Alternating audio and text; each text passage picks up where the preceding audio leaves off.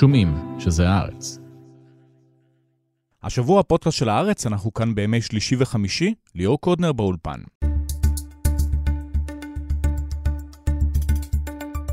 הנשיא ביידן וראש הממשלה נתניהו לא אוהבים אחד את השני, זה כמובן לא סוד, אבל עד כמה מערכת היחסים הזאת משפיעה על המלחמה בדרום או בצפון ועל המצב הגיאופוליטי של ישראל. עם טל שניידר, ניצן הורוביץ ונתנאל שלומוביץ נדבר על הגידופים של ביידן כלפי נתניהו, האיומים בהקמת מדינה פלסטינית והבחירות המתקרבות באמריקה. וושינגטון בינתיים לא עוצרת את אספקת הנשק ומסתפקת בהדלפות וצעדים סמליים נגד ישראל, נשאל עד מתי זה יימשך.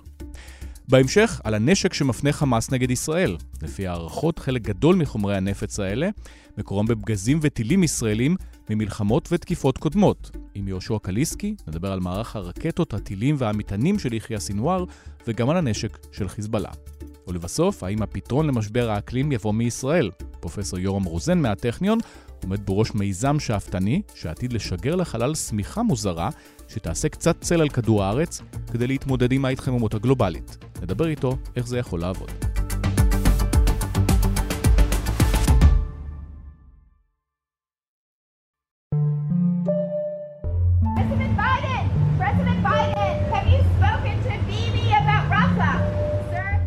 קרוב ל-20 שיחות טלפון התנהלו בשבועות האחרונים מאז תחילת המלחמה בין נשיא ארצות הברית לראש ממשלת ישראל.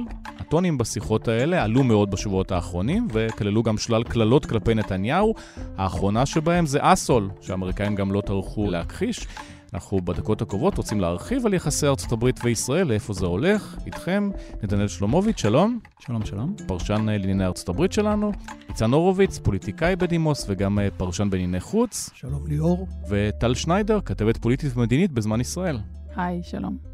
טל, אמריקאים, כמעט כל שיחה כזאת, מיד אחרי זה יש הדלפות. זה נראה כמו תלמיד נזוף כזה, שנתניהו כל הזמן מקבל איזה נבוט בראש, ובינתיים זה נראה שזה לא משפיע על אה, אף אחד, לא על הצד האמריקאי ולא על הצד הישראלי. טוב, אז קודם כל ביידן, אה, יש לו שם אה, עולמי בפליטות פה. לא דיבורים כמו של הנשיא לשעבר טראמפ, אבל גם יש לו את הסגנון שלו, וידעו תמיד שהלשון שלו מאוד משוחררת. השאלה היא למה העוזרים שלו מסרו את זה ל-NBC או לכלי תקשורת אחרים בדיוק בעת הזאת. זה מה שמעניין. והסיבה לדעתי באמת שהם מוסרים את הדברים האלו, זה לא שהם חושבים שחשוב עכשיו בישראל שידעו שנתניהו כזה וכזה, אנחנו יודעים אם יש לנו עסק, מכירים את הסחורה שלנו. ביידן לא מנהיג עולם הראשון שקורא לו שקרן או מניפולטור וכולי. אני חושבת שזה נעשה עבור הדור הצעיר במפלגה הדמוקרטית, שיש איתו בעיה, וביידן עכשיו במהלך קמפיין רוצה להראות שהוא מרוחק distance, שאין לו חוקייה עם uh, נתניהו, וזה חלק מיעד הקמפיין שלהם כרגע, להראות שהוא ונתניהו לא בסבבה, כי זה כרגע מה שאולי יחזיר קצת חבר'ה ממישיגן. בקיצור, מה שבא לי להגיד מתוך הבטן, התחושה שלי, שזה מבוסס על איזשהו סקר שהם עשו במישיגן וויסקונסין, להבין מה יעזור לדור הצעיר קצת לחזור הביתה. ניצן, אולי פוליטית פנימית זה מה שקורה, אבל מבחינת מעשים, נכון שהוטלו סנקציות על ארבעה מתנחלים, שעוד נגיע לזה, אבל בגדול עדיין ארה"ב מאוד תומכת בישראל, ממשיכה גם uh, במידה רבה לממן את המלחמה, וביידן, לפי הדיווח uh, בוול סטריט ג'ורנל, uh, נקרא על ידי העוזרים שלו אולי להפסיק חלק מחלקי החילוף, חלק מהתחמושת, ואת זה הוא אמר, אנחנו לא נכנסים לזה בכלל. סיפור של יחסי ארצות הברית-ישראל זה לא רק עניין בילטרלי בין שתי מדינות, זו חלק מ... מאיזושהי מסכת אזורית ועולמית. רק תאר לך שארצות הברית תתנתק מישראל. אז מה? זאת תהיה מה שנקרא מתנה על מגש של כסף לציר שכנגד, לציר הרוסי, סיני, איראני, המוסלמי הקיצוני. ארצות הברית לא יכולה להרשות לעצמה דבר כזה. ישראל היא חוליית מפתח בסיפור האזורי האסטרטגי. אבל זה אפס או אחד? זה או הכל אה, בפנים או כלום? לא. אז כאן יש איזשהו מרווח, הייתי אומר אבל, שהוא לא מרווח כזה גדול. זאת אומרת, יש מרווח שאפשר לעשות, קצת לפגוע, קצת לנתק לנתניהו בטלפון, להדליף, לקלל קצת, ללחוץ וכולי וכולי, אבל ארצות הברית, לדעתי, אלא אם כן מדובר בשינוי אוריינטציה מוחלט, לא יכולה ולא רוצה לנתק את הקשר הזה הכל כך עמוק עם ישראל, וכמובן גם ישראל אני חושב שהיא לא צריכה להיות מעוניינת בזה. ואני לא חושב שזה יגיע עד כדי uh, עצירת uh, משלוחי נשק, או הטלת סנקציות ממש. ארה"ב אף פעם לא עשתה את זה, ואני לא חושב שזה יגיע לכדי דבר כזה עכשיו, גם אם נתניהו מאוד מאוד יעצבן את ביידן, וגם אם זה יפריע לביידן בחזית הפנימית. צריך לזכור שזה הולך לשני הכיוונים. התמיכה בישראל היא גם כן דבר מאוד חזק בציבוריות האמריקאית, ואם ביידן יצטייר כנשיא פתאום אנטי-ישראלי, גם לזה יכול להיות מחיר פוליטי כבד בתוך המפלגה הדמוקרטית. אם אנחנו מסתכלים טל על הצד הישראלי, אז הנזיפות האלה עוזרות אולי גם לנתניהו, כי הוא עומד איתן מול אה, נשיא אמריקאי שעוד שנייה יקראו לו עוין. קודם כל, זה לא עוזר לנתניהו, כי נתניהו כרגע, כפי שאגב נכתב בוול סטריט ג'ורנל בכתבה על היחסים הגרועים בין השניים, וגם אנחנו כותבים את זה הרבה אצלכם, אצלנו, בכל מקום, הוא נמצא בשפל תמיכה ציבורית. הפנטזיה של לעשות מאבק מול נשיא אמריקאי מקדמת את נתניהו כרגע מוכחת כנוסחה שלילית. אבל אם האמריקאים מדברים עכשיו על מדינה פלסטינית, ונתניהו מתחילת הקמפיין שלו מדבר לא תהיה מדינה פלסטינית, אני אמנע את זה. אולי זה כן פתאום יחזיר עליו את הבוחרים שלא רוצים מדינה פלסטינית. שוב, אני כרגע לא רואה את הבוחרים חוזרים אליו, כי כל הקמפיינים שנתניהו מנסה להוביל, אם זה להיאבק בנשיא האמריקאי, אם זה להשליך על גנץ, כביכול שגנץ רוצה מדינה פלסטינית והוא לא, זה קמפיין של מלפני חודש וחצי, שלא עבד. אם זה קמפיין הניצחון המוחלט, שכרגע לא עוזר לו בסקרים, אני לא רואה דרך שממנה הוא עולה בסקרים. להגיד לך מה יהיה עוד מתי שיהיו בחירות, אני לא יודעת. אבל רק להתייחס לעוד משהו קטן שהזכרת קודם לגבי שנייה על ביידן, יש פה פער מאוד גדול בין היחסים האישיים בין האישים, שהם גרועים. לא אוהבים אחד את השני. לא אוהבים, בין התחושה של ביידן כלפי העם הישראלי. וביחס של ביידן לעם הישראלי ולציונות, אתה רואה באמת את החום בצורה אותנטית. זאת אומרת, לדעתי הוא מאוהב בישראלים ברמות קשות.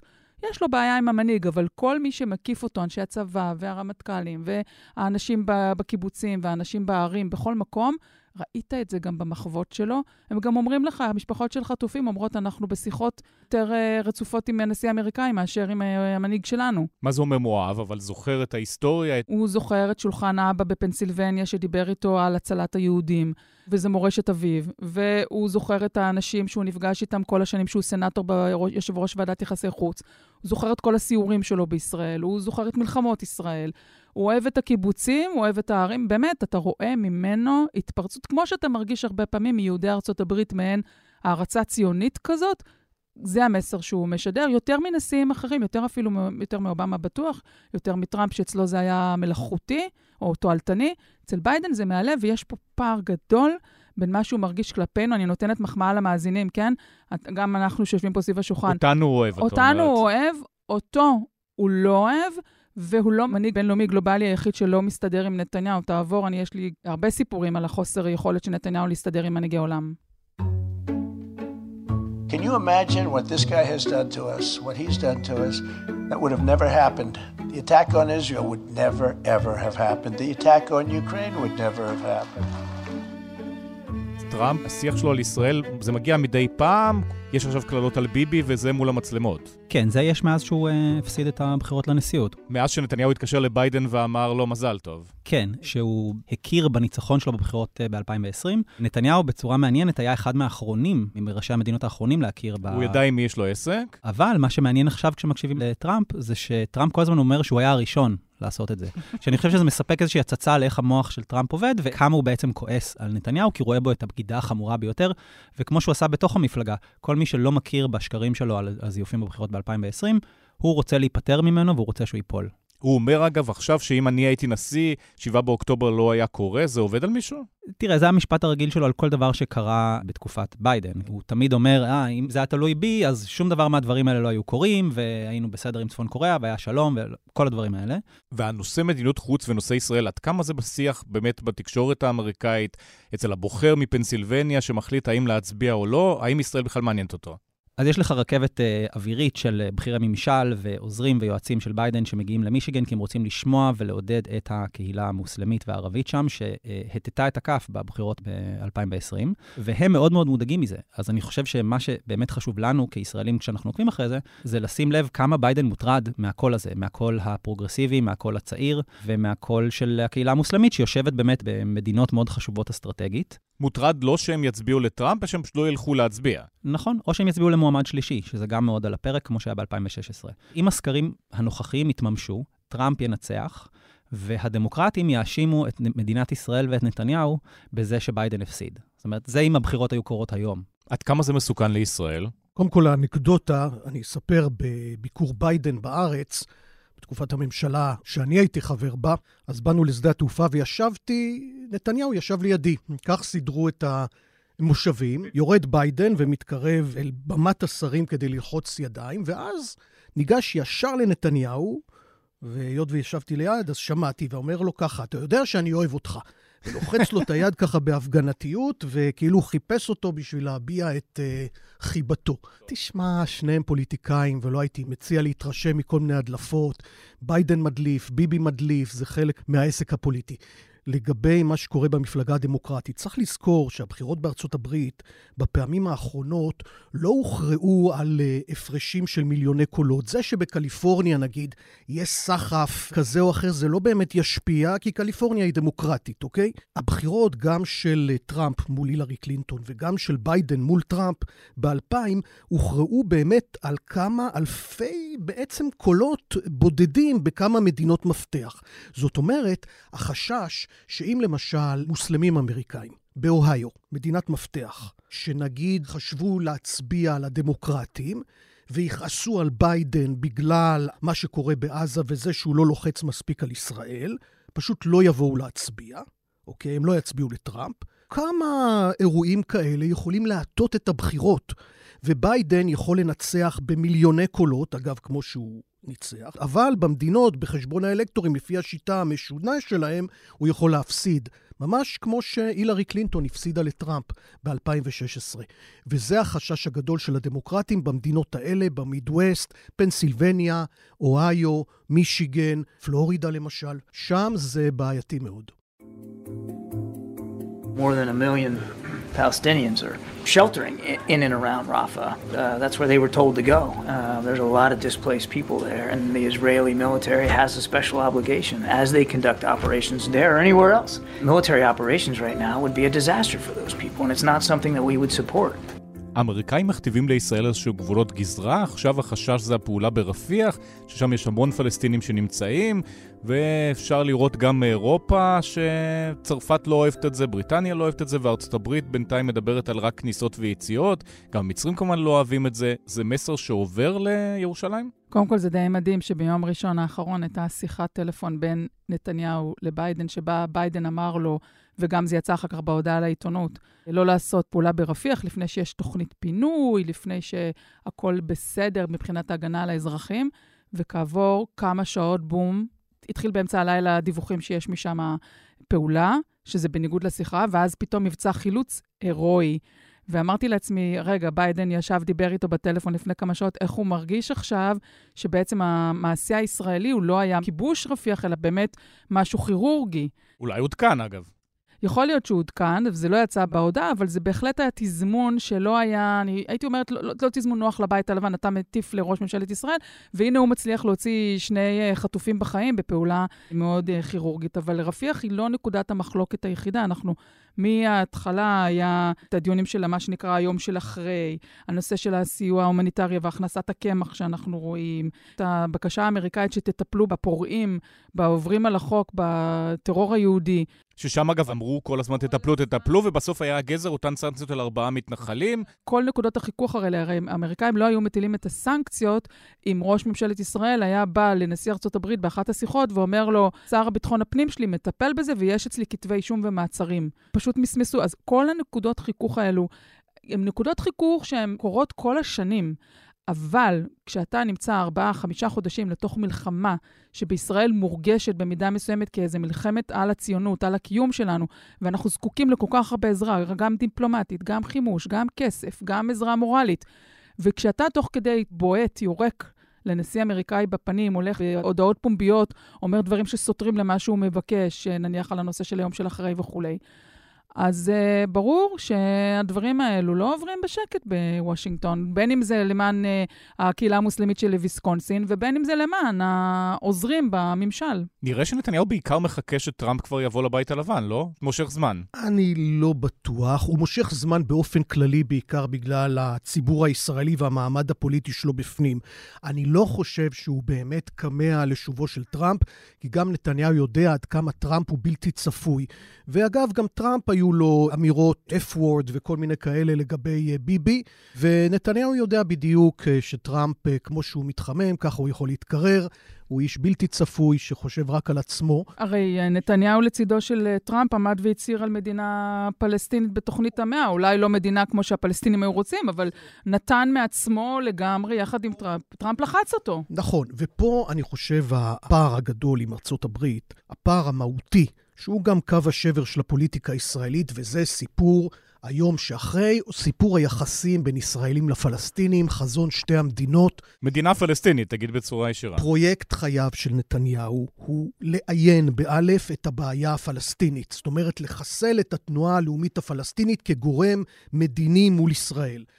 במידה מסוימת הוא גם הצליח לעשות את זה ב-20 שנות שלטונו המצטבר. עכשיו זה חוזר ביג טיים לשולחן מארצות הברית עם ביידן או עם טראמפ, כמו שטל אמרה. יש פה קונצנזוס בינלאומי מושלם, מסין דרך רוסיה ועד ארצות הברית, כולל כל בעלות הברית הקרובות של ישראל. כולל חלק אה, גדול בציבור הישראלי. אבל טראמפ ייבחר, הוא לא צריך את ג'רד קושנר כי לא יהיה יותר. הדבר הראשון שהוא יעשה, הוא יגיד, תביאו לי את התוכנית ההיא שעבדתי עליה כל כך קשה. בבקשה, תוכנית המאה. יגיד, סליחה, אתה נתניהו, עמדת פה לצידי, אמרת זה בסדר. נכון. אז הנה, אני רוצה, למה שהוא יחליף תוכניות פשוט? הוא יבוא ויגיד, זה התוכנית שהשקענו בה את כל מרצנו, ואז מה, ואתה יודע, עוד פעם נתניהו יתגרש ממנהיגי הבקעה וממנהיגי איו"ש וכולי, יתגרש מהם, ומה... שום דבר מדיני טוב לא מאיים על נתניהו. נתניהו, בוא נגיד את זה ככה, לכן הוא מעוניין למשוך זמן בכל החזיתות. אבל הסיפור פה של מדינה פלסטינית, שעכשיו הולך לעלות בגדול על השולחן, שזה היוזמה האמריקאית החדשה, עם בעלי הברית האזוריים, עם האיחוד האירופי, עם כולם בעצם, זה דבר שמציב נתניהו באמת בפני צומת דרכים דרמטית. אני גם חושב שצריך להבין איזה שינוי דרמטי נהיה בשיח הפוליטי בארצות הברית, בוושינגטון ספציפית, בשתי המפלגות מאז ה-7 באוקטובר. ושניהם במידה רבה הם תוצר לוואי של העבודה הרעה של נתניהו. אז יש לנו בצד אחד את טראמפ שאמר ממש השבוע, שמבחינתו כל סיוע ביטחוני למדינה זרה מעתה ואילך יהיה הלוואה. זה לא בעיקר נגד אוקראינה אבל? הוא מכוון את זה בעיקר נגד אוקראינה, אבל אנשיו הבהירו שהוא מתכוון לכל מדינה זרה, וזה עובד לו נהדר בבייס הטראמפיסטי. כי אנחנו אמורים לקבל 14 מיליארד דולר, והאמריקאים כן. לא רוצים לתת את הכסף הזה. ואני אומר, ויש איזשהו קונצנזוס בקרב טראמפיסטים, שישראל היא מדינה מאוד חזקה, שיכולה לדאוג לעצמה, ולמה היא צריכה מאיתנו כסף? זה הנרטיב שהתקבע בזכות נתניהו בימין האמריקאי. ואז בצד השמאלי, יש לך נרטיב כבר ותיק מאז שנות ה-90, שאומר פתרון שתי המדינות. ואז מגיע ביידן, עוזר לישראל, מבחינת המון דמוקרטים, מה שישראל עושה בעזה עכשיו הוא באמת פשע. הם עדיין תומכים במנהיג שלהם, ואז מגיע נתניהו ושם לו אצבע בעין ואומר, אני אפילו לא מוכן לשמוע על מדינה פלסטינית. אז אפילו העלה תאנה שעוזר להם להיבחר במחוזות שלהם, אפילו את זה הוא לא נותן להם, ולכן אני חושב שזה לא צירוף מקרים שבשבוע הכי גרוע בנשיאות של ביידן, סביב המשבר זיכרון שלו והדוח הזה.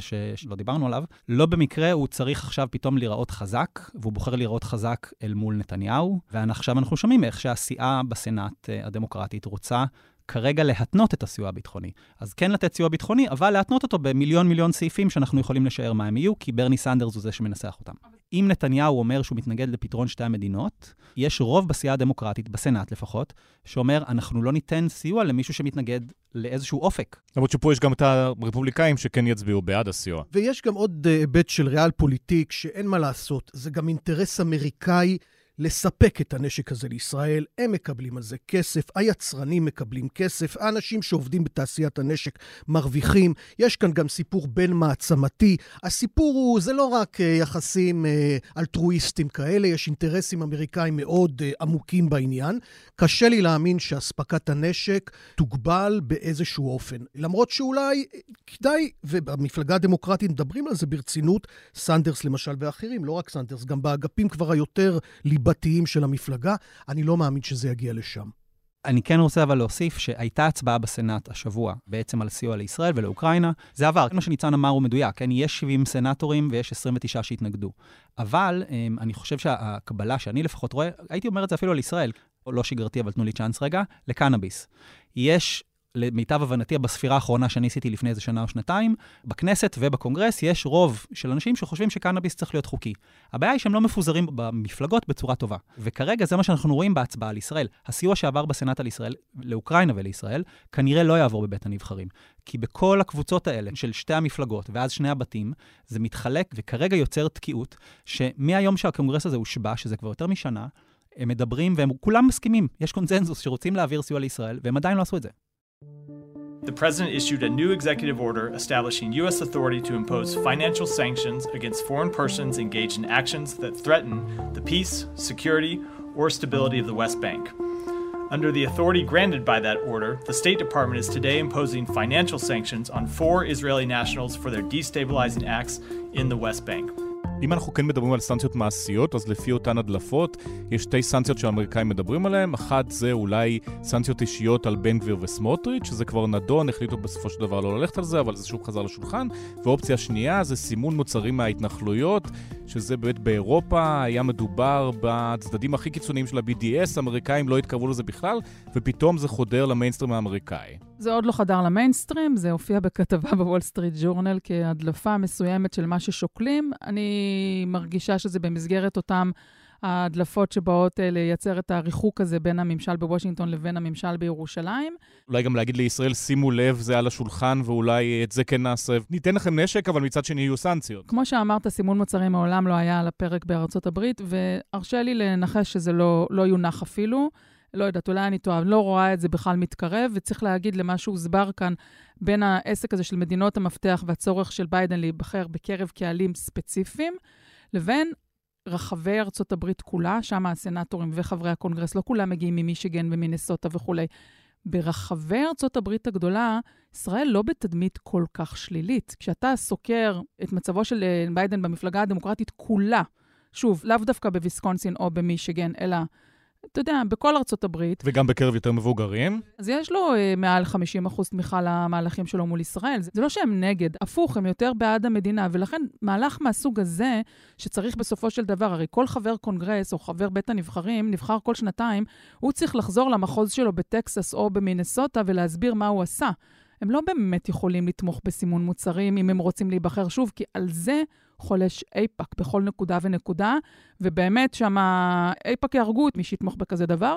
לגבי סנקציות אישיות על בן גביר, אני אגיד לך את האמת, אני חושבת שזה בהחלט דבר, יש לזה תקדים. חבר מפלגתו של בן גביר, לשעבר, דוקטור מיכאל בן ארי, כשהיה חבר כנסת, הסתובב עם איסור כניסה לארצות הברית במשך שנים. למה? בגלל חברותו המשורשרת לארגוני כהנא למיניהם, שהוגדרו בזמנו כארגון טרור. לדעתי, רק לפני זמן לא רב הסירו את התיוג הזה, ואני לא יודעת אפילו אם בן ארי מנסה להיכנס או ניסה להיכנס, אז... למרות שהם שרים, זאת זה מעבר לח"כ אה, זוטר אה, במפלגה. מזכירה לך שישראל אסרה כניסה של שלוש מחוקקות מהמפלגה הדמוקרטית, צעד שנתפס, לא אהבו אותו בארצות הברית, למרות שהן לא מיינסטרים, הן די פרינד של הרביעייה המפורסמת. בוא נגיד שאני לא אתפלא אם יהיה איזשהו השלכות אה, פרסונליות מהסוג הזה, וזה גם לא קרה כבר. לא חושבת שלבן גביר כל כך יהיה אכפת מזה.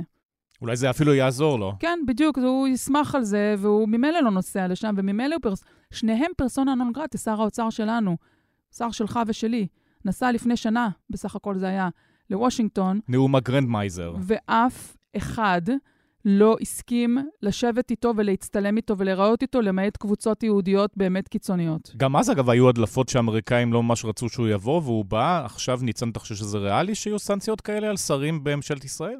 כן, זה יכול להיות. יש אה, סנקציות כאלה אמריקאיות, אגב, לא רק אמריקאיות, של עוד כל מיני מדינות על אה, עוד אה, נושאי תפקידים ממדינות אחרות, וזה גם קרה ביחס לישראלים.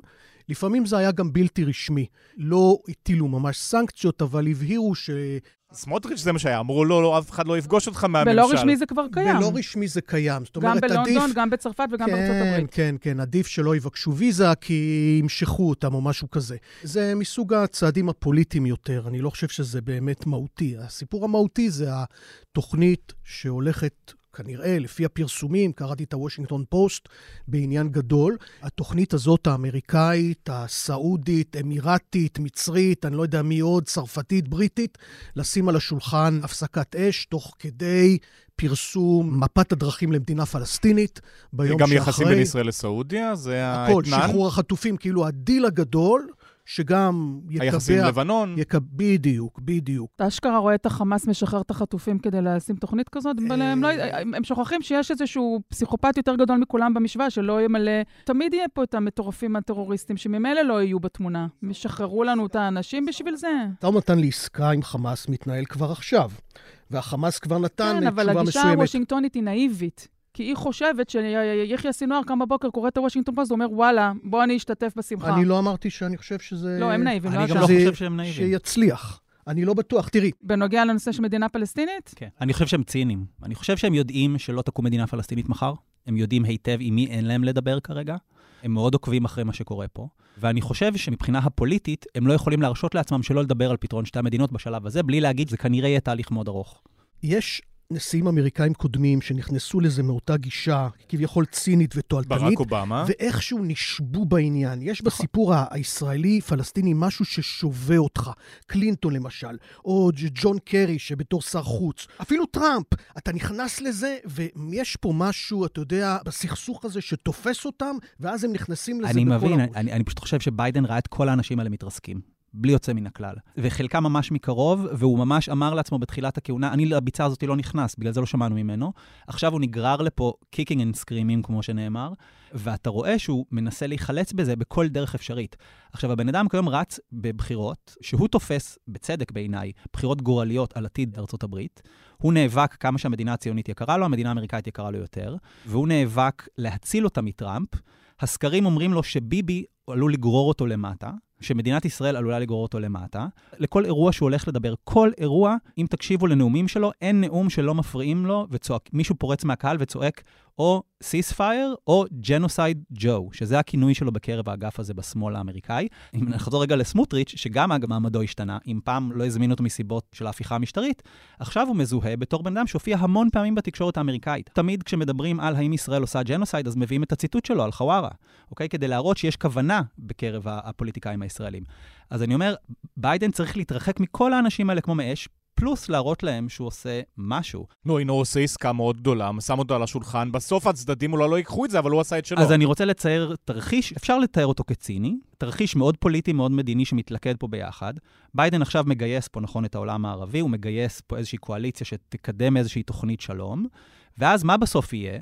יהיה לך את נתניהו שיגיד, לא נראה לי, אוקיי? ואז הוא יוכל לחזור אל ה base שלו, אל, אל העולם, ל, לכולם ולהגיד, הבאתי את כל העולם פה להביא איזושהי אה, יוזמה מדינית. This asshole לא שיתף לא איתי נותן לי, פעולה. זה בדיוק מה שאני אומרת לך. נתניהו יותר מתוחכם מזה, והדבר הראשון שהוא יגיד להם, בבקשה, תביאו לי את uh, מנהיג ארגון הטרור שישחרר את החטופים, ואז אני אתן לכם את התשובה שלי. מה, הוא נולד אתמול? נתניהו עשה רוורס במשאים ומתנים כזה בכל העולם כבר עשרות כן, שנים. אבל, אבל אתם יודעים, לתהליכים האלה גם יש אה, דינמיקה משלהם, וואנס אתה נכנס לזה, זה לא כל כך פשוט uh, לצאת מזה, והתרחישים כאן הם מרובים, גם השחקנים מרובים. למשל, לנתניהו מאוד יקרים היחסים שהוא רקם במסגרת הסכמי אברהם עם המפרציות, למשל. מאוד חשוב לו. אם uh, למשל זה יהיה חלק מהעסק וזה יתערער, זה עלול להשפיע. גם המצב הביטחוני הפנימי, למשל ביהודה ושומרון, או בתוך ישראל, שעלול להתפתח או להסלים כתוצאה מדבר כזה, גם זה פקטור שצריך להתחשב בו. זאת אומרת, אי אפשר לדעת. גם מלחמה שנמשכת כבר ארבעה חודשים ולא רואים לה סוף. אני כן אגיד, לצערי, שאני חושב שגם ביידן עלול להיכשל ביוזמת המדינה הפלסטינית, כמו שנכשלו לפניו, כי ישראל או השלטון הישראלי... איזה understatement בריטי מנומס, הצחקת אותנו, עלול להיכשל. או שיגידו מדינה פלסטינית עוד 50 שנה, ואולי יום אחד זה אז יקרה. אני אגיד ככה, אני מאוד הייתי רוצה שתקום מדינה פלסטינית לצד מדינת ישראל. אני תומך בפתרון שתי המדינות, ולדעתי הפתרון היחיד. לא סתם היית יושב ראש מרצ. נכון, נכון, אני משוכנע בזה היום, אפילו עוד יותר ממה שהייתי משוכנע קודם. אבל, הנה מגיע אבל. אבל, אבל, אבל, השלטון בישראל לא רוצה את זה, עוין את זה. גם הציבור, אגב, רוב הציבור בישראל בכל סקר מתנגד למדינה פלסטינית. אפשר לשאול אם היא מפורזת, איך היא תהיה. כי כשאתה יודע, יוצרים את זה כל כך הרבה שנים, ועובדים את זה, ודוחפים את זה, ו- ועושים הכל, אגב, גם פיזית, כדי להחליש את הרשות הפלסטינית, במסגרת אותה קונספציה ידועה של חיזוק החמאס ו- והחלשת הרשות, ואתה מתאר אותם כל הזמן כאויבים וטרוריסטים, ו- אז ברור שזה מה שיהיה. טל, ברמת הריאל פוליטיק, אם אנחנו מסתכלים קדימה על המלחמה, עסקה לשחרור חטופים, המצב בלבנון, יש איזו אופטימיות כלשהי? וואו, אתה יודע שמבקרות בישראל עכשיו המון המון קבוצות אמריקאיות כאלו של פדרציות, והם כל הזמן מבקשים הדרכות, והם אמרו לי בכמה מפגשים כבר, את יכולה לדבר שלא הכל יהיה קודר? האם משהו טוב יצא מפה בסוף? ואני כאילו באה עם כל המטען הרגשי, הלוחמים, מה זה, הזה, ואת יכולה להגיד משהו אופטימי? ודיברנו קודם, אה, ניצן ואני במסדרון פה, שאנחנו בתקופה...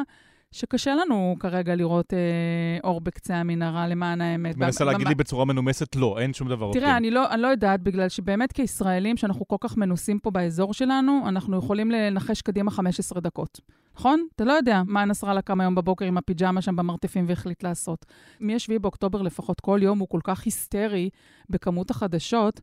אז אני, אני מאוד מתקשה להוציא את הראש כרגע מהזה ולהגיד, אה, אני, אני רק כן יודעת ש...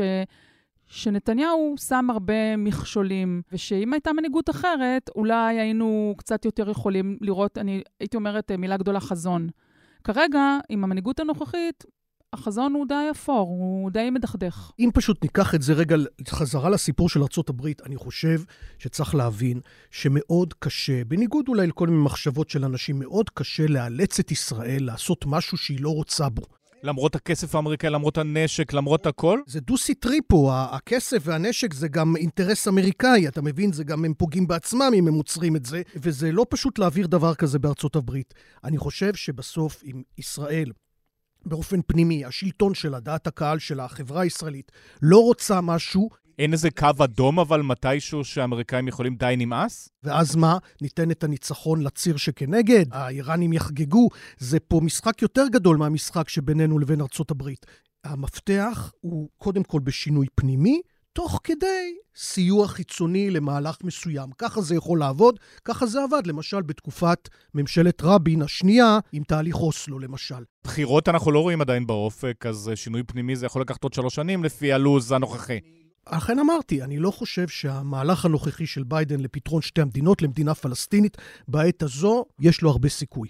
ככל שנתקרב לנובמבר לבחירות ואולי יהיה ביידן יפגר בסקרים, אנחנו נראה עוד ועוד את השוט הזה מונף יותר ויותר? בפירוש. ככל שגם סקרים יראו איפה נקודות התורפה שלו, ככל שימשיכו להפריע לו בנאומים שעכשיו נגיד הם לא ממש משודרים בפריים טיים, כי אנחנו לא בישורת האחרונה של הקמפיין, רוב האמריקאים שלא זוכרים בפוליטיקה, שהם לא צרכני חדשות גדולים, עדיין לא יודעים שביידן וטראמפ מועמדים, אני יודע שזה מצחיק, אבל יש סקרים שמראים שזה מדהים כמה רוב האמריקאים אפילו לא יודעים שזה המרוץ. הם לא רואים חדשות. מבחינתם, יש בחירות ב-2024 בנובמבר, עכשיו זה פברואר. באוקטובר אני אתעדכן מי הולך לא לרוץ. לא באוקטובר, ליום לפני נובמבר. והם האנשים שמכריעים את הבחירות בסופו כן. של יום. הם והאנשים שלא מגיעים להצביע. מכירים אותם כבר מהסיבוב הקודם, סטודות דם חדש. ומה שביידן עומד להשקיע כנראה יותר ממיליארד דולר ב- בלעשות, זה להראות לאמריקאים שטראמפ לא נשאר סטטי ב-2020, הוא השתנה דרמטית מאז והוא נהיה אפילו יותר קיצוני מאז. אז הוא ינסה להראות את זה. הרפובליקאים ניסו להראות שהוא uh, דמנטי, אולי פרסומות יהודיות במקומות כמו מישיגן, וויסקונסין, וויסקונסין יש פחות, אבל מישיגן זה הזירה, אבל מישיגן, ניו יורק וכדומה, שינסו להראות שהוא uh, תומך ב genocide הישראלי. יש כבר תשדירים מאוד מאוד אפקטיביים של המועמדת השלישית, ג'יל סטיין, היא המפורסמת. המועמדת ש... הנצחית. ב-2016 היא רצה, היא וגרי ג'ונסון הליברטריאני לקחו מספיק קולות משמאל ושל מתנדנדים, ונתנו בעצם לטראמפ לנצח עם 47% מהקולות. היא במפלגה הירוקה. יש לה תשדיר שלם שכל כולו זה צילומי זוועות מעזה. היא יהודייה גם, לא? כן. זה הקמפיין שהיא מריצה. הקמפיין שלה, והוא אפקטיבי לפי שעה, אתה יודע, באחוזים ספורים, אבל זה מספיק בשיטה האמריקאית. הנושא הישראלי יככב בבחירות גם אם המלחמה תיגמר מחר.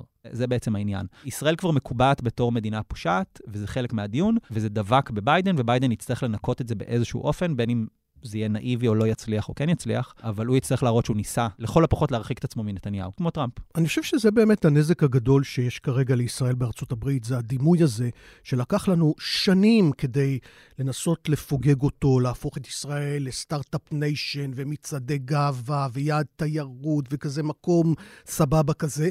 ועכשיו אנחנו חוזרים למעמד של המדינה מוכת המלחמות, המשונה, המוזרה, המסוכנת. במקום וילה בג'ונגל נהיינו הג'ונגל. באמת בעולם המושגים המאוד פשטני שיש לציבור הרחב, לא רק בארצות הברית, שזה, אתה יודע, אם זה bad או זה good, ככה, כמו שטראמפ, זה bad או זה good, אז אנחנו עכשיו bad. וזה אומר שאנשים שנגיד מחפשים איפה להשקיע כסף, או עם מי לעשות עסקים, או איזה אירוע תרבות כלשהו, ויש איזה משהו ישראלי, אה, זה, זה bad כזה, וזה העניין, הפגיעה התדמיתית בנו, שאחר כך מחלחלת לעסקים ולתיירות ולתרבות ולפוליטיקה, היא הנזק האמיתי, ולוקח שנים לתקן דבר כזה. זה. האמריקאים ניצבים היום בפני בחירה, איך אומרים את זה? אתה יכול לבחור או דמנטי או מטורף. מה הכי פחות רע שגם כרגע? שגם המטורף אולי דמנטי, אבל זה כבר שאלה אחרת. בקיצור, לפחות אנחנו יודעים שהדמנטי כנראה לא מטורף. בגלל המצב הזה, הציבור בכלל לא רוצה להצביע. ואז לך תדע בכלל מי יבוא להצביע, אם יהיה בכלל. זאת אומרת, יהיה שיעור הצבעה נמוך, והדיכאון ככה גם עוטף אותם. טל שניידר, ניצן הורוביץ ונתנאל שלומוביץ, תודה רבה. תודה רבה. תודה. תודה. בתחקיר שפורסם בניו יורק טיימס נטען כי בבדיקת מעבדה נמצא שחומרי הנפץ ששימשו לבניית רקטות ומטענים נלקחו על ידי חמאס מאלפי הפצצות שהטילו מטוסי הקרב של חיל האוויר ברצועת עזה בשנים האחרונות. הם ממחזרים חומר נפץ של ישראל מפצצות שלנו שלא התפוצצו. מאז 7 באוקטובר ערך צה"ל יותר מ-20 אלף תקיפות בתוך רצועת עזה, כ-15% מתוך חומרי הנפץ שבהם משתמש צה"ל לא מתפוצצים, והחמאס מסתבר עושה שימוש חוזר בהם. איתנו דוקטור יהושע קליסקי, חוקר בכיר במכון INSS, שלום. שלום וברכה. אז אנחנו נדבר על הנשק של חמאס. אז בואו נתחיל עם הטענה הזאת של ניו יורק טיימס, שיש הרבה נשק שהם לוקחים פשוט מישראל, ישראל מפציצה, חומר הנפץ לא מתפוצץ בעיקר בחימוש ישן, ואז חמאס אוסף את זה ועושה בזה שימוש חוזר. איך זה עובד? הנשק שישראל משתמשת בו הוא סך הכל נשק ישן, חלק מהנשק שהוא כבר יצא מהתקן של צבא ארצות הברית. מדובר בעיקר בפגזי אה, תותחים 155 מילימטר, שבסביבות ה-15% מהם לא מתפוצצים, או מדובר גם בפצצות של שימוש כללי, מה שנקרא MK84, מדובר בפצצות ישנות, שעוד אה, ראשיתן עוד במלחמת וייטנאם. וחלקן יצאו כבר מהתקן בצבא ארצות הברית, והפצצות האלה גם כן משמשות בהתקנים מסוימים, הן משמשות את חיל האוויר, בחלק מהם לא מתפוצץ. ומה שהחמאס עושה, הוא בעצם אוסף את חומר הנפץ מאותם נפלים שלא מתפוצצים, ומחמש את מטעני הנפץ שלו. ממש עוברים אנשים, אוספים את מה שלא התפוצץ, שהם רואים פשוט שהטיל נשאר שלם? כן, הם אוספים את זה. עכשיו, אה, כמו שאנחנו רואים, הם הופכים בעצם את הלימון ללימונדה. זאת אומרת, מצד אחד זה מאפשר לתושבים להיכנס למקומות שהופצצו, ומקבלים גם אה, איזשהו בונוס על זה שהם מוסרים את אותם פצצות של נפלים, אה, מוסרים את זה לשלטונות כדי שיפיקו מזה את חומרי הנפץ. ואז זה מגיע למפעל של חמאס באחת המנהרות? מגיע למפעל של החמאס, והחמאס מייצר מזה את מטעני הנפץ שלו, שאותם הוא מטמין כמלכודות לחיילים שלנו, או אה, היום יש להם שיטה יותר משוכללת, לייצר גם אה, מטענים אה, מגנטיים. זה מטענים שכאשר עובר טנק או רכב משוריין, אז מגיח אה, איש חמאס מאחד הפירים או מאחד הבתים, מדביק אותו לרכב, ואחרי שבע שניות המטען הזה מתפוצץ. אז אה, זה, זה השיטה שלהם. למה הפגזים האלה לא מתפוצצים? מכל מיני סיבות, יכול להיות סיבות של יושן, המנגנון מתיישן, מספיק שאיזה חוט נרטב ולא סוגר את המעגל שצריך ליצור כדי לפוצץ את המטען הזה, מספיק שרטיבות נכנסה. יש כל מיני סיבות סביבתיות או סביבות אפילו אובייקטיביות שגורמות לדבר, למטען או לאיזשהו מתקן שהוא בין כמה עשרות שנים, לא לפעול טוב. 15% זה לא אבל מספר מאוד מאוד גבוה, זה באמת אחוז משמעותי מהתחמושת מגיע לצד השני, האויב משתמש בו. האויב משתמש בו, וכמו שאנחנו רואים בכתבה, לפחות מה-15% אה, מעל 50 אחוז האויב משתמש, נכון? זה באמת אה, מספר שצריך להאיר מספר נורות. לעבור לנשק יותר חדיש, מה צריך לעשות? כן, צריך לעבור, לחדש את המלאים, ולעבור גם לנשק שהוא יותר חכם, כי מדובר פה, הפצצות למשל, ה-MK84, או הפגזי 155, הם אה, פגזים ישנים. שלמה בכלל יש את זה עדיין? אמרתם במלחמת וייטנאם, לא השתמשו בזה עד עכשיו, בלבנון, במלחמות קודמות בעזה, ארה"ב לא השתמשה בעצמה? הכוונה מלחמת וייטנאם זה לא שזה בא, ממל... זה לא מתקופת מלחמת וייטנאם, אלא התחילו לייצר את הדברים האלה בתקופת מלחמת וייטנאם, כמובן שמייצרים כל הזמן את זה, כל הזמן את, ה... את הסוג הזה של הפצצות, אבל uh, מדובר בפצצות ישנות, זאת אומרת, מה שנקרא שימוש כללי. כדי להפוך אותן לפצצות חכמות, אתה צריך להתקין להתקין בראש הפצצה מנגנון מסוים, למשל, אם אתה רוצה שזה יהיה מונחה לייזר, אז אתה צריך להתקין בראש הפצצה הזו איזשהו מנגנון שיוכל uh, לראות את קרן הלייזר שמכוונים אליה, ולא תמיד עושים את זה. אז לפעמים, uh, לפעמים נשארים עם המנגנונים הישנים. גם ארצות הברית, אגב, ביקרה את ישראל שיש שימוש יותר מדי אה, מסיבי בכלי נשק, פצצות יותר מדי גדולות, אז גם ארצות הברית יכולה לעזור בהקשר הזה, במקום חימוש ישן, לשלוח uh, חימוש חדש הרבה יותר מדויק. זה נכון, והטיעון הזה הוא בעצם טיעון אה, חצי פוליטי, כי בעצם בצורה כזו, ארצות הברית שומרת על המאזן ההתקפי של ישראל. בצורה כזו היא מאפשרת לנו להילחם ולהגשים את המטרות שלנו, אבל היא שומרת על, ה... על האיזון, על הריסון, הריסון המתאים. זאת אומרת, שולחים בכוונה נשק מיושן? לא, לא, לא. אני מתכוון, לא ששולחים נשק מיושן בכוונה, חס וחלילה. אה, צה"ל יש לו את הכלכלת חימושים שלו, שבה הוא משתמש בנשק חכם במקומות מסוימים, ובנשק פחות חכם במקומות שלא דרוש אותו. לא, לא דרוש אותו. אבל אני אומר שהכלכלת החימושים שלנו היא בהחלט מושפעת מה... מהתעשייה בארצות הברית, והיא קשורה, ואם uh, ארצות הברית רוצה קצת להגביל אותנו, אז ברור שהיא תאט, תאט את המשלוחים, או תווסת אותם בצורה כזו, שהיא תוכל לשלוט על המצב. The chairman of NATO's military committee warned that supplies are running out. We need the industry to ramp up production in a much higher tempo, and we need large volumes. בהקשר הזה, אגב, יש דיווחים שיש מחסור עולמי בנשק, גם בגלל המלחמה באוקראינה, גם בגלל המלחמה שלנו, גם בגלל uh, סכסוכים אזוריים אחרים, פשוט אין נשק. נכון, יש לנו, יש מלחמה גדולה כבר שנתיים באוקראינה, יש את המלחמה פה, וההיקפים של המלחמה פה הם היקפים עצומים, זאת אומרת, היקפי ההפצצות של חיל האוויר הם היקפים של מעצמה. יותר מ-20 אלף תקיפות, כמה נשק 30, זה? כמה? 30 אלף uh, תקיפות. כבר 30 אלף? 30 אלף מטרות כמה חומר נפץ זה? זה מאות טונות של חומר נפץ, מאות טונות של חומר נפץ. יש לך את המלחמה באוקראינה. אגב, מדינת ישראל או צה"ל הפציצו והשתמשו בפצצות בחומר נפץ הרבה יותר מאשר הרוסים באוקראינה.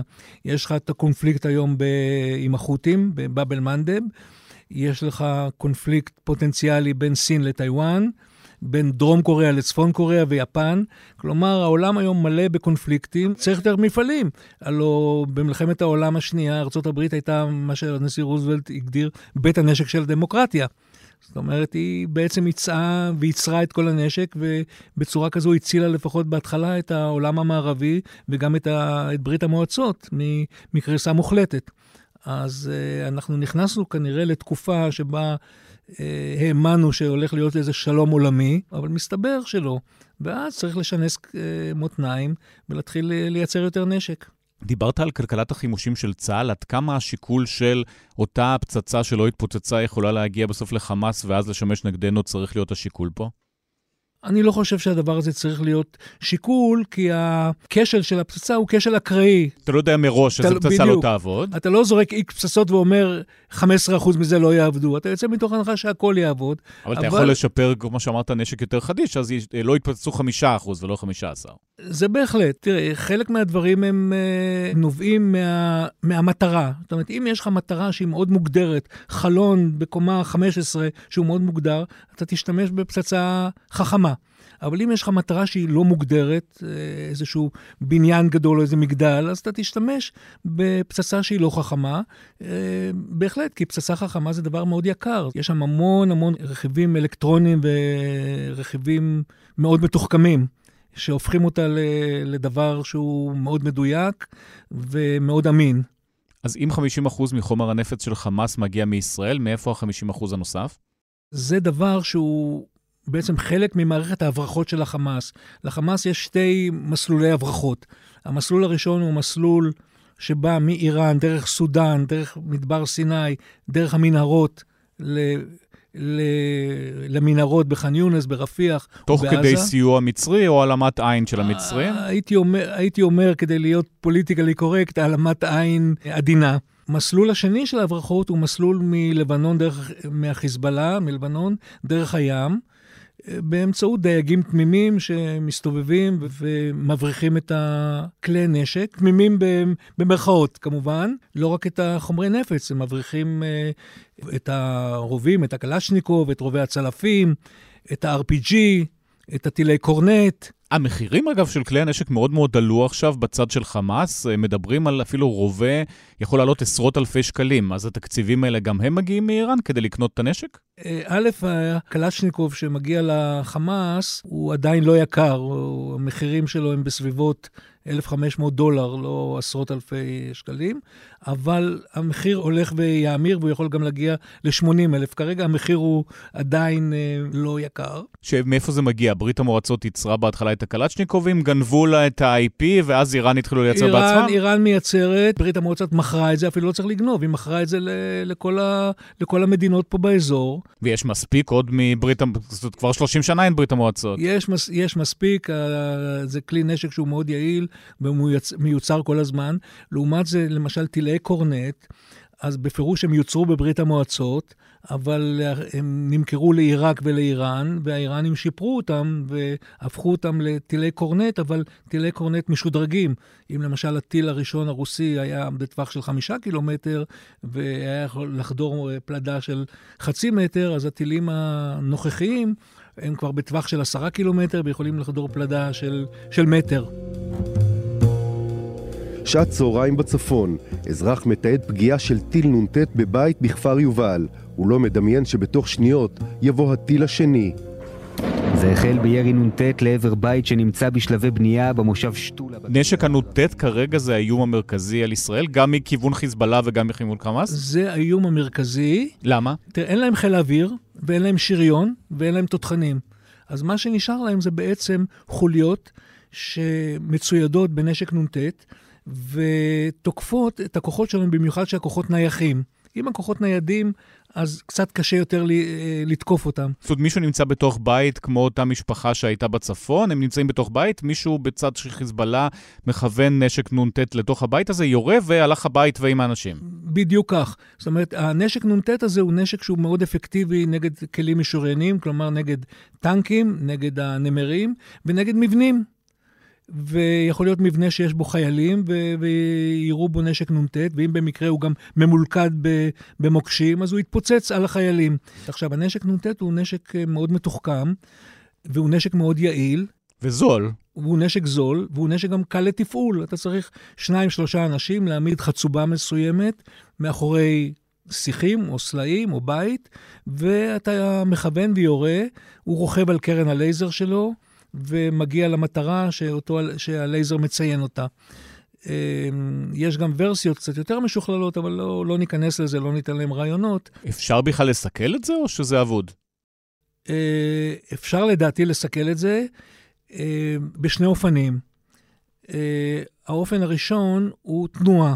מכיוון שמדובר בנשק שהוא רוכב על קרן לייזר, והקרן נעה בקו ישר, אם אתה נע מספיק מהר ומספיק זריז, אתה יכול בהחלט להתחמק ממנו. דבר נוסף הוא מיסוך, מיסוך על ידי עשן, כי ברגע שהקרן בעצם אה, מונחית על ידי קרן לייזר, ברגע שאתה תשים עשן, מדוכת עשן או איזשהו מיסוך, אז אתה מעוור את הקרן הלייזר, ואז אתה גם מעוור את הטיל, והוא בהחלט יכול להתבלבל. אבל אם אתה מחזיר את תושבי הצפון הביתה, זאת אומרת, אתה לא תוכל לשים עשן בכל הצפון. ברור שלא, לא. הפתרון הוא לא הגנתי.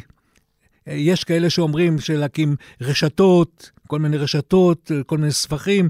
רשת ש... פיזית, זאת אומרת, ממש רשת שזה כן, אבל... נתקע בתוך הרשת. כן, אבל ה... זה לא הפתרון. הפתרון צריך להיות פתרון לא הגנתי, אלא פתרון שבו החיזבאללה יסולק מאותו תחום שבו הטילים האלה הם אפקטיביים. השלמנו את השמדת תשתיות ייצור אמצעי הלחימה של חטיבת מחנות המרכז של חמאס. כן, ואחר צהריים ירי לעבר המרכז לראשונה אחרי חודש, 11 רקטות שוגרו מהרצועה. בואו נדבר על העיתוי של הירי והיכולת שעדיין נותרה. אם אנחנו חוזרים לחמאס אז, אה, ומדברים על הרקטות והטילים, אמנם היה ירי רקטות על מרכז הארץ אחרי תקופה ארוכה, אבל כן בצה"ל מדברים שרוב המערך הושמד ואין להם יכולות כל כך גבוהות בניגוד לחיזבאללה. זה נכון. לא רק שהמערך, המלאי שלהם הושמד, אלא גם מערך הייצור הושמד.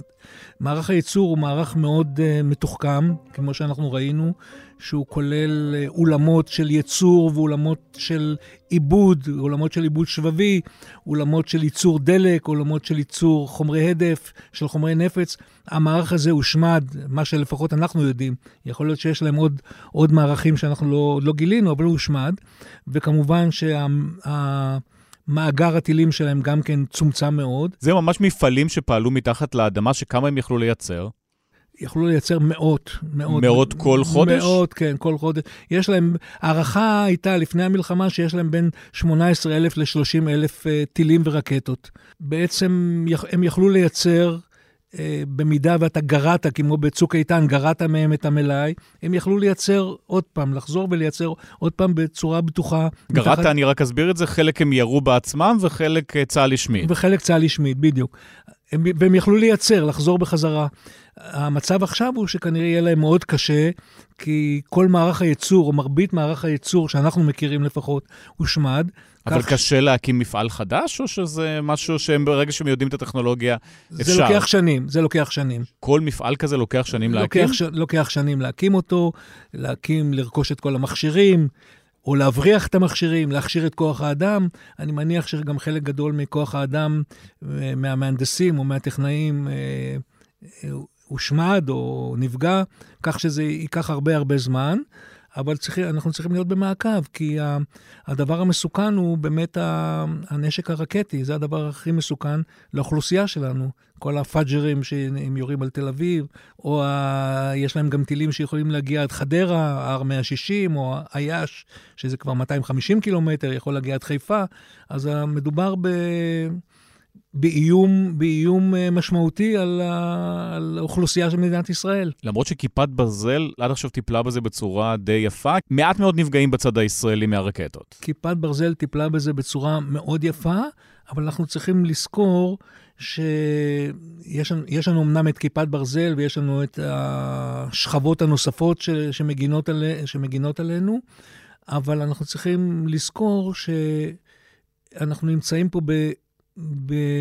בתנאים שיכול להיות שהם לא יחזרו.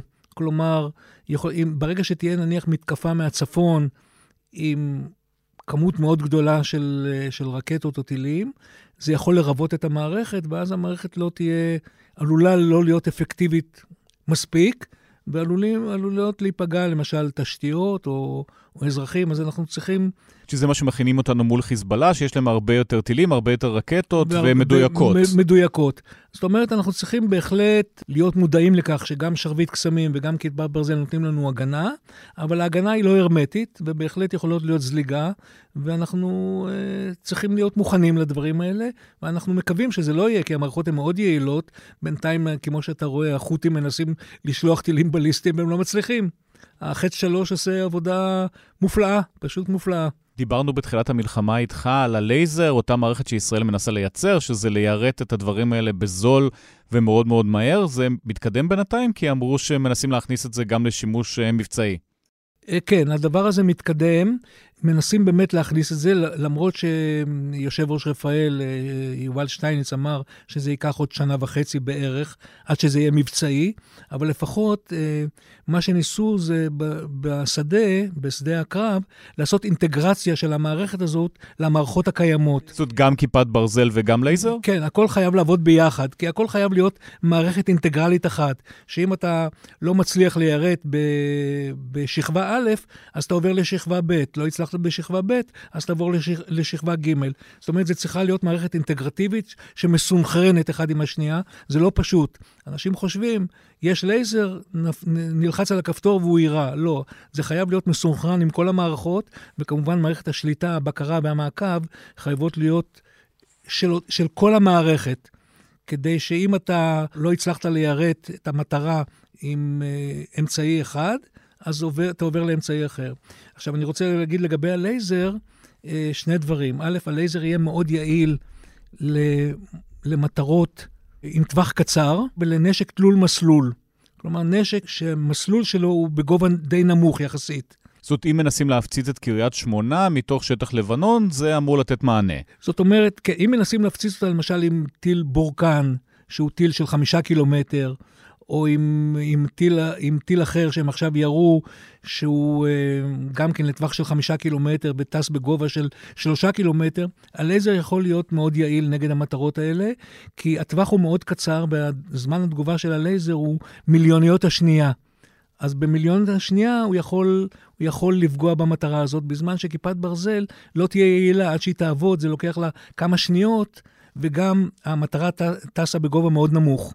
כיפת ברזל, או השכבות האחרות, הן בגובה הרבה יותר גבוה, ולכן הן לא מתאימות ליירוט של מטרות שהן אה, מנמיכות טוס. צוטט בימים האחרונים בכיר בצה"ל שאומר עם האיומים מהאוויר אנחנו די בסדר, הבעיה המרכזית זה המנהרות שאין לנו פתרון לזה. אתה מסכים? עם שני הדברים אנחנו, הייתי אומר, בסדר פלוס. בסדר פלוס. זאת אומרת, זה לא מצוין, אנחנו בסדר פלוס, אנחנו יודעים להתמודד עם שני הדברים האלה בצורה זו או אחרת. אה, וגם האיום האווירי, הוא עדיין, הוא קיים, הוא איום שקיים, ואנחנו צריכים להיות מוכנים אליו וצריך להתמודד איתו בצורה טובה ביותר. והשילוב של כל מערכות ההגנה זה שילוב מצוין, אבל אה, יכול להיות שלא תהיה ברירה, אלא ישראל תצטרך לעשות גם איזשהו מהלך התקפי כדי... אה, משהו בדומה למהלך שעשה, אה, ממשלת אולמרט במלחמת לבנון השנייה. בלילה הראשון של מלחמת לבנון, אה, חיל האוויר ביצע תקיפה שהשמידה את כל הפאג'רים. שזה בעצם היה מקבילה של מבצע מוקד במלחמת ששת הימים, כך אהוד אולמרט אמר. אז יכול להיות שבאמת צריך איזשהו מבצע של השמדה, מכת נגד מקדימה. ולא לחכות שאנחנו נקבל את כל המטחים, ומתוך איקס מטחים נוריד 95 אה, אחוז, אבל 5 אחוז יכולים לעשות נזק שהוא אה, נזק גדול מאוד. וזה ריאלי מתקפה כזאת? ארצות הברית אה, די אומרת לישראל, שבו בשקט, אל תפריעו. זה נכון, אני אומר פה את דעתי, את דעתי הפרטית, שבמידה וביטחון המדינה הוא נמצא בסיכון קיומי, אז אנחנו נעשה את מה שטוב לנו, ואני מאמין שכל ממשלה בישראל תעשה את הדבר שהוא טוב לנו, במידה והסיכון הוא סיכון קיומי. זאת אומרת, הטילים של חיזבאללה, בניגוד לחמאס, זה סיכון קיומי. במידה רבה כן. במידה רבה כן, כי הטילים של החיזבאללה יכולים לפגוע בתשתיות, ואני לא אחדש ולא מגלה שום סוד, אה, האלוף בריק אומר את זה כל הזמן, שהם גם יכולים לפגוע בתשתיות של חיל האוויר ולמנוע מחיל, מחיל האוויר אה, לבצע את העבודה שלו לפחות בשעות הראשונות. אז האיום הזה הוא איום קיומי, ויכול להיות שהאיום הזה מצ... יהיה מצריך טיפול אחר מאשר האיום החמאסי. אז אתה אומר, מתקפת מנע, ישראל צריכה לעשות כדי לנטרל או לפחות אה, להפחית את האיום. זה אחת האופציות. אחת האופציות היא, היא מתקפת מנע מקדימה, שזה אגב לא, לא סותר שום דבר, זה תמיד היה אבן יסוד במדיניות uh, הביטחון של ישראל. Uh, יגאל אלון uh, כתב על זה מאמר מאוד יפה בספר שלו, מסך של חול, שהוא מסביר מהם התנאים למתקפת מנע. Uh, ואחד התנאים זה, זה סכנה קיומית למדינה, פגיעה בתשתיות, פגיעה בכור בדימונה. כל, הוא, הוא מנה שם מספר קריטריונים. לפי מה שאתה אומר, אנחנו עונים על הקריטריונים האלה כרגע. אנחנו עונים על הקריטריונים, אבל עוד פעם, אני אומר את דעתי האישית, אני לא קובע מדיניות. דעתי האישית היא שזאתי אחת האופציות. יהושע קליסקי, תודה רבה. בבקשה.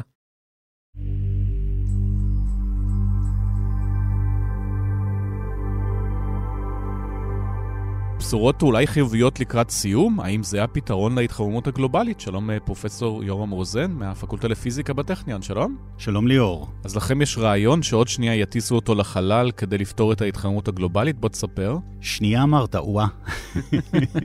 יש לך הגדרה מוזרה לפרקי זמן, אבל בוא אני אספר.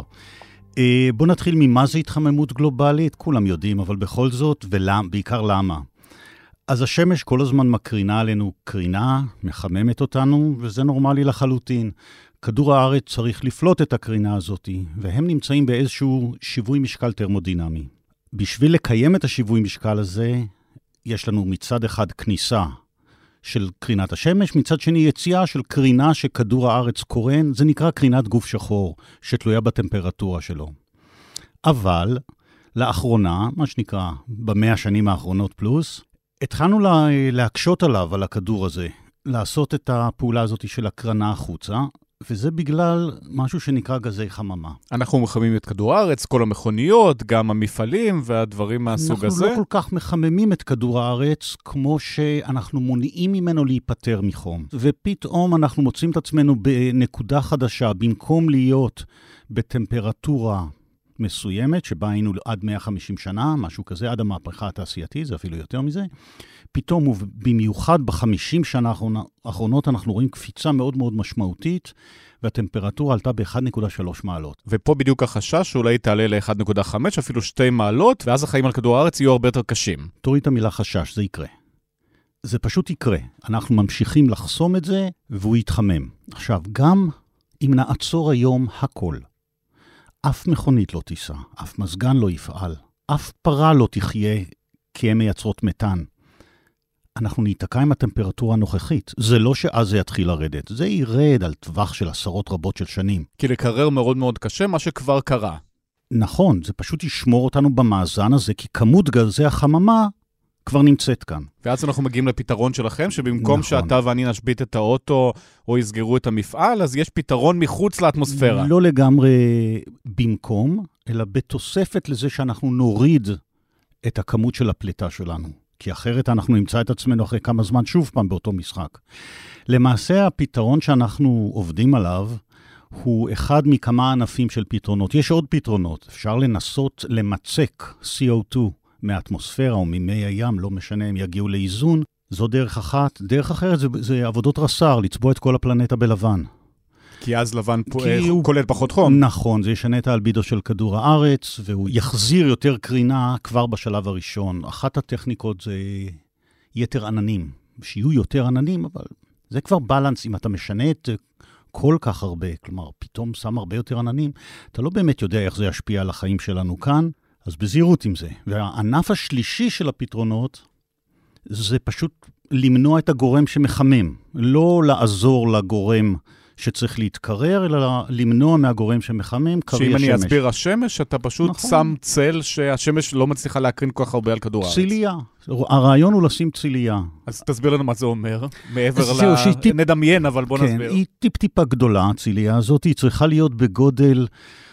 של שניים וחצי מיליון קילומטר מרובע. אני אתן לך את זה בארצות, זה איפשהו בין קזחסטן לאלג'יריה, או טיפה יותר גדול מארגנטינה. אלה מדינות שזה הגודל שלהם בערך. שמה, מה זה הצילייה הזאת? מה אתה שם בחלל? אה, מה זה, ברזנט כזה? מה זה? אה, ברזנט מאוד מאוד דק, אה, יותר דומה לשמיכת מילוט, חומר שיש לו תכונות מתכתיות דק, דק, דק, דק, thin foil.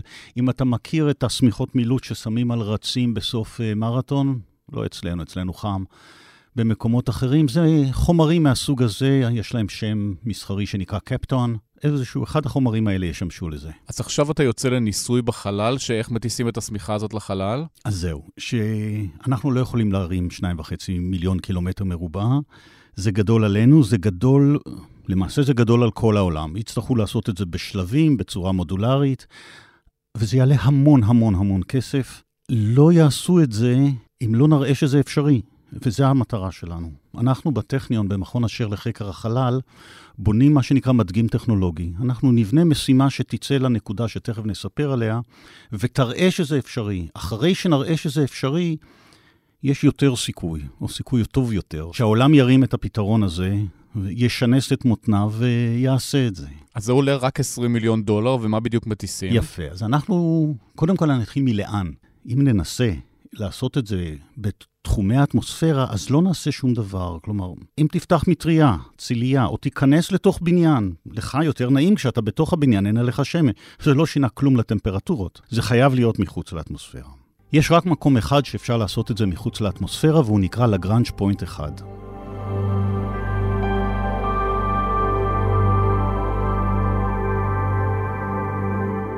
לבריאנג' פוינט 1 זו נקודה שבה יש שיווי משקל של כוחות הגרביטציה של כדור הארץ ושל השמש.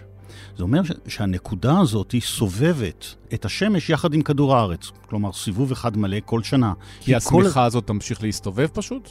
אנחנו זה שם רוצים ההסבר? לשים את השמיכה, ולכן היא גם, זו נקודה מצוינת, כי כל הזמן נייצר צל. אפשר יהיה משם לייצר צל כל הזמן, זה נכון שמתחתיה כדור הארץ ימשיך להסתובב, ולכן אזורים שונים יקבלו צל עם הזמן, אבל כל הזמן נשים צל, בעוד שאם היינו שמים את זה בגובה אחר, לוויין שמקיף את כדור הארץ, אז רק חלק מהזמן הוא יהיה בקו שבין השמש לכדור הארץ, זה הרבה פחות יעיל. אז אנחנו נסתובב פה בעיר שלך בחיפה, ופתאום יהיה צל מהשמיכה הזאת? אז זהו, שזה לא יהיה פתאום צל, ואתה לא, כמעט ולא תראה אותו.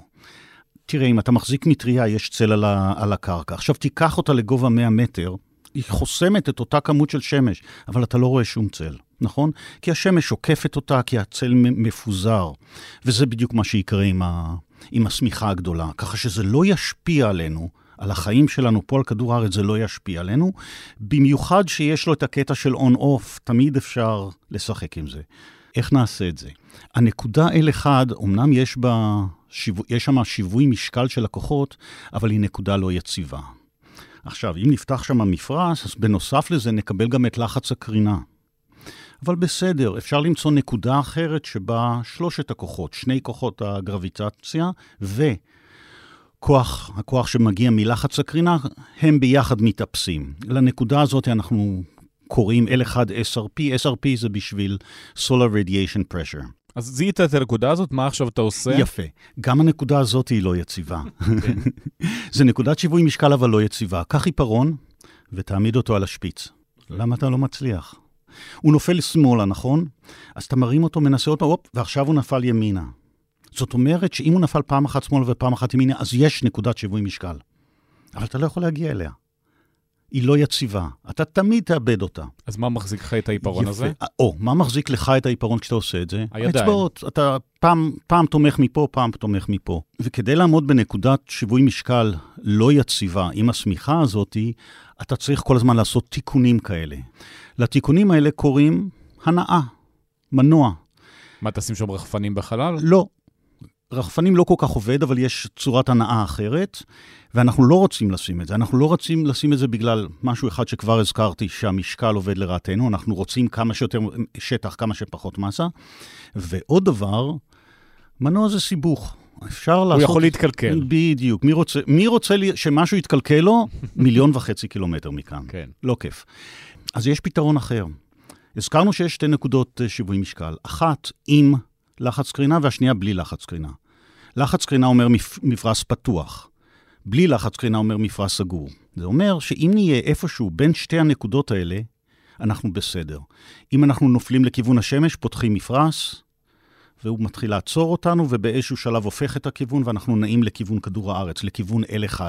לפני שמגיעים ל-L1 צריך לסגור את המפרש, ואז כוחות המשיכה של השמש יותר חזקים, זה ייעצר ויתחיל לנוע. ולכן אנחנו נעשה אוסילציות בין L1 ל-L1 SRP. ולכן המרחק שלהם צריך להיות כמה שיותר גדול, ואת זה משיגים על ידי.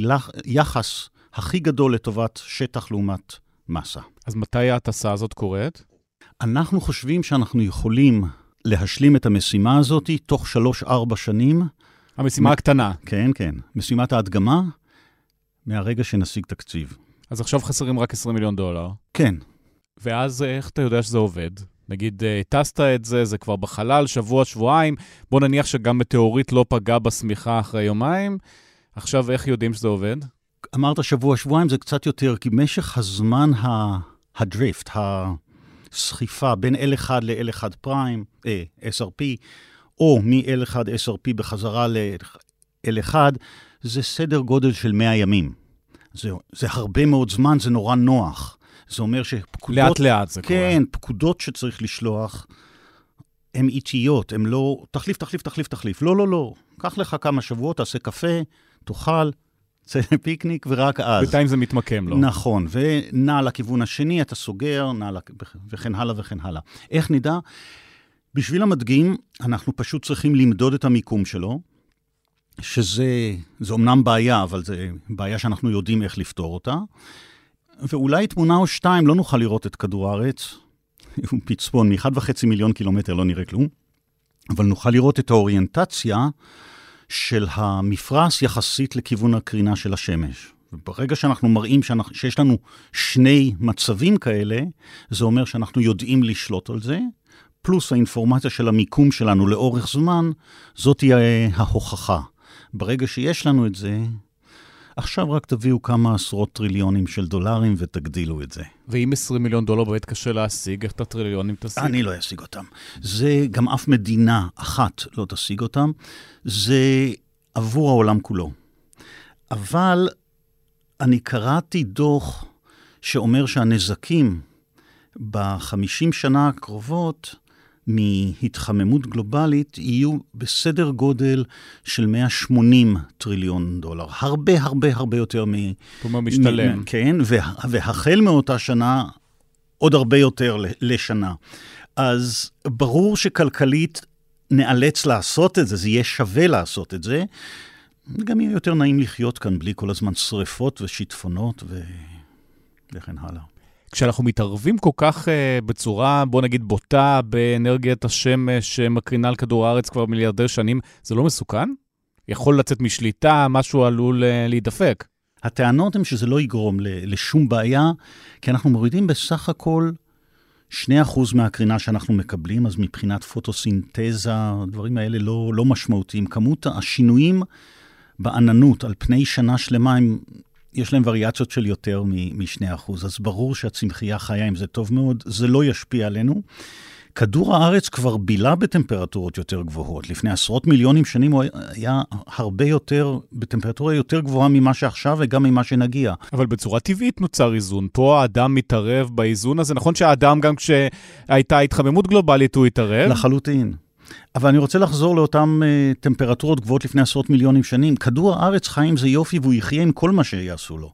זה לא כדור הארץ שאנחנו מנסים להציל, זה אותנו.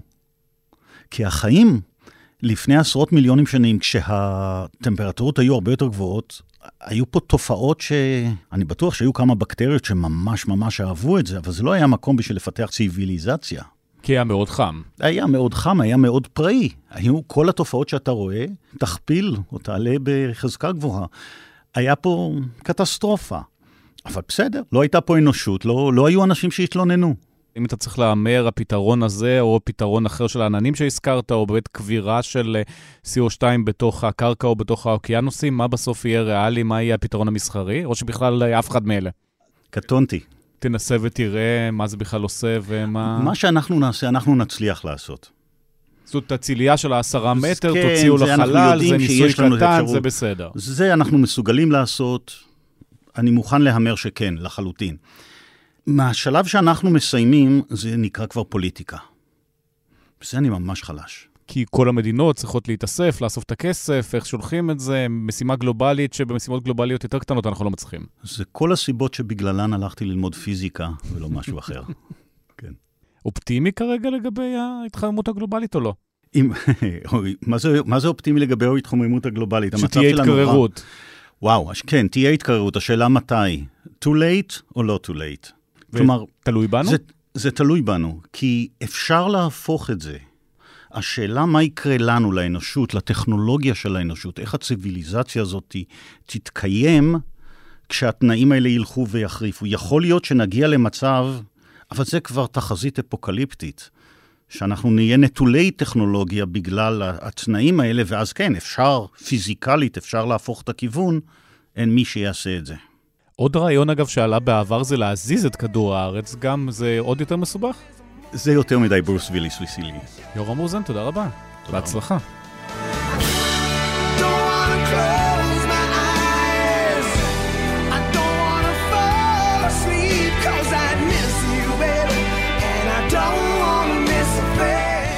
הארץ השבוע, כאן סיימנו את הפרק הזה, בצוות ניצה ברגמן, אמיר פקטור, אסף פרידמן, נערה מלקין, דן ברומר ומאיה בן ניסן. אני ליאור קודנר, אנחנו נהיה פה שוב ביום שלישי הבא, בינתיים להתראות.